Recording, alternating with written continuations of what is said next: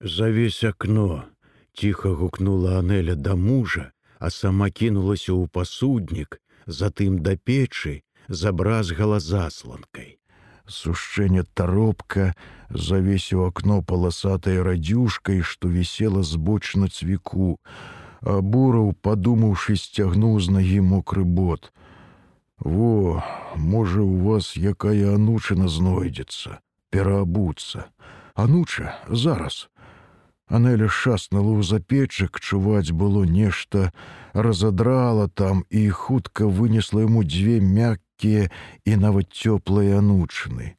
Дровы ў грубцы сталі добра ўгарацца. Скрозь па падлозе заскакалі барвовыя водбліскі, асвятлілі чырвоным і без таго ж чырванелую ад сцюжы ступню бурава. А як жа мама твоя, ці жывая? Запыталася Анеля ад печы. Мамы няма ўжо, тры гады як, А сястра ж феня і сястры няма. Забілі вясной у лісячанскай пушчы.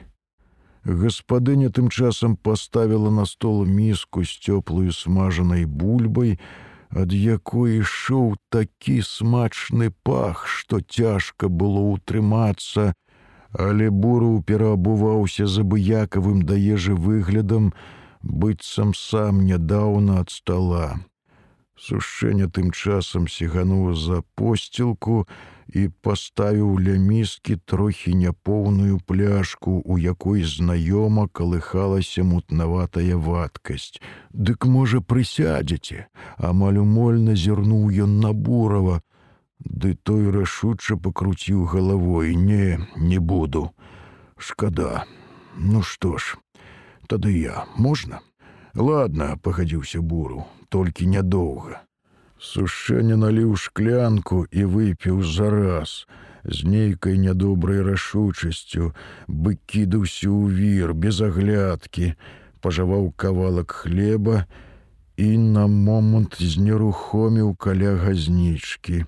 Анеля ставіла яшчэ нейкія талеркі з салам і агуркамі, кідаючы хуткія заклапочаныя позіркі то на мужа за сталом, то на бурава у прасценку.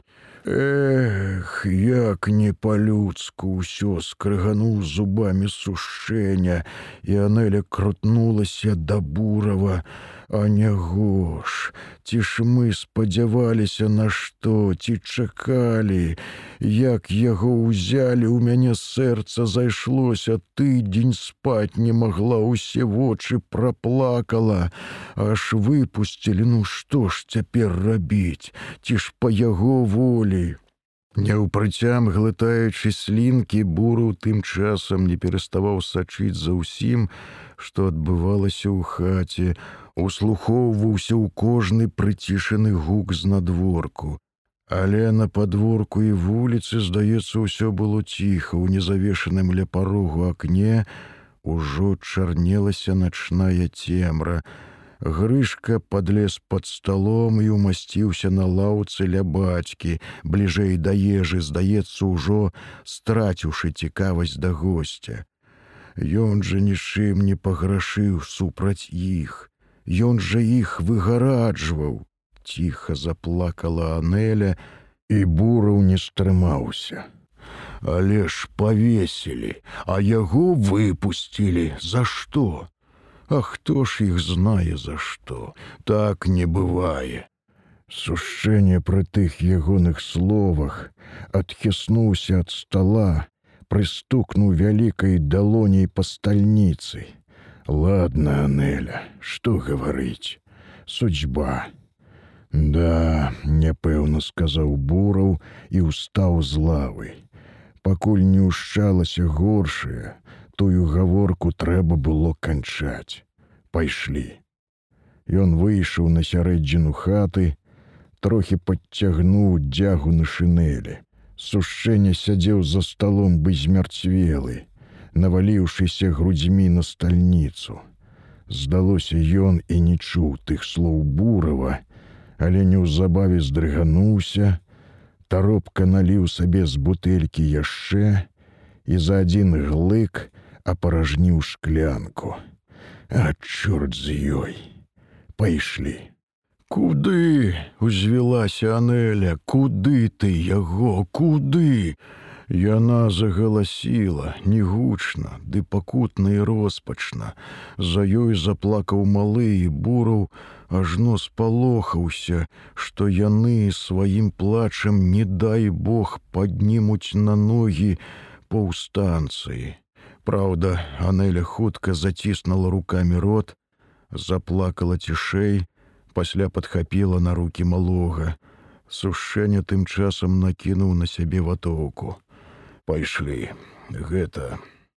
Нібы прыпомніўшы, што ён павярнуўся, таропка пацалаваў жонку і рашуча ступіў да дзвярэй. Яго дрыготкія руки невідушчы бегалі па грудзях у пошуках гузікаў, каб зашпіліць ватоўку. Куды гэта вы зноў ужо другі раз узвілася Анеля і загаласіла так, што буру спалохаўся. Ну, трэба, сказаў да жонкі сушэння. Мы ненадоўга. Ты не плач, супакойся. Ён стараўся гаварыць ціха, з набалелую добрасцю ў голасе, і, мабыць, гэта падзейнічала на жонку, тая на момант змокла.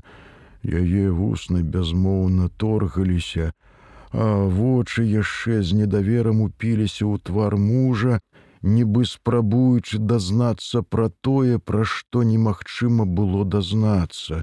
Тут на адно дело трэба, схлусіў бураў, хоць у яго ад гэтага расстання здрыганулася сэрца.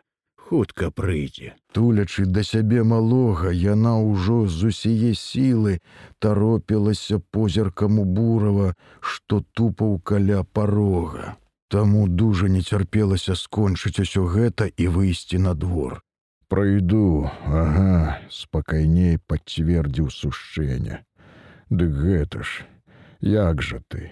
нічога не ўзяўшы, спахапілася Анеля. Гэта ж хоць сала возьми. Мабыць, яна ўсё ж поверыла, выпусціла з рук малогам, памкнулася да стола, пачала метусліва кроіць хлеб, сала загарнула ўсё ў нейкую паперану, кінулася да мужа во, перукусіць, А то як жа, калі не еўшы і гэта э, цыбуліну даць, Ад не трэба махнуў рукой сушэння, другой няўважліва запіхіваючы пакунак у цесную кішэню, і Анеля зноў насцярожылася. Ты ж любіў, каб з цыбуляй, напялася яна, перастаўшы выціраць вочы і гатовая зноў заплакаць. Калі любіў, дык возьми, сказаў бураў, Ага, дай цыбуліну, з цыбуляй смачней, калі сала, дык добра з цыбуляй. Недзе под прыпечкам яна знайшла пару цыбулін, адну сунула ў руки мужа, другую падала бураву, той узяў, пахваліў цыбулю. Анеля паспакайнела, падобна зусім поверыла падману, хоць усё яшчэ была напятая ад хвалявання ці насцярожанасці і раз пораз выцірала вочы, хоць ужо і не плакала. Калі задоўжуся, мыйцеся без мяне, сказаў сушэння. Яны выйшлі з хаты, сушэнне наперадзе, буру за ім. На дварэ ўжо сцямнелася, дзьмуў рэзкі ветер, але дажджу не было. Сушэнне зрабіўся нейкі роспачна рэзкі у рухах свайго дужага цела, рашуча сігануў з ганка і спыніўся на гразкім двары. Куды? Туды, туды показаў бураў у бок дрывотні. Гаспадар хіснуўшыся, ступіў крокаў пяць і спыніўся. Лапату узяць, возьми, што ж, падумаўшы, пагадзіўся бураў і пільна пасачыў, як сушэнне перабраў у падстрэшшы нейкія палкі і выцяг з-пад іх рыдлёўку. Што ж, сам разумееш тихо нібы вінавата нават сказаў бураў калі выдаў сушэнне рэзка павярнуўся да яго бураў з нечаканасці аж адхіснуўся і са сцішанай ярасцю кінуў яму ў твар. Я не выдаваў. А хто ж выдаў? спыніўся бураў. Не знаю, не знаю, але ж цябе выпусцілі. Выпусцілі сволачы, роспачным шэптам выдохнуў сушэнне і зусім паныла дадаў. Лепш бы павесілі разам. Апошнія словы ён кінуў цераз плячо, нібы з рэштаю слабай надзеі апраўдацца ці што. Але цяпер што карысці апраўдвацца, падумаў бураў. Хіба ён следчы. Бураў не следчы, ён выканаўца прысуду, а прысуд гэтаму чалавеку зроблены там, у лесе, ці яму перайначваць яго. Але як было і выконваць, калі выканаўца таксама пахіснуўся ў адчуванні свае праваты. Нейкая яна не такая аказалася тая яго правата. Часу, аднак у іх было мала, нават зусім не было часу. Тым болей адчуваў буру, што ён проста можа завязнуць у гэтай заблытанай справе сушчэнні і праваліць заданне.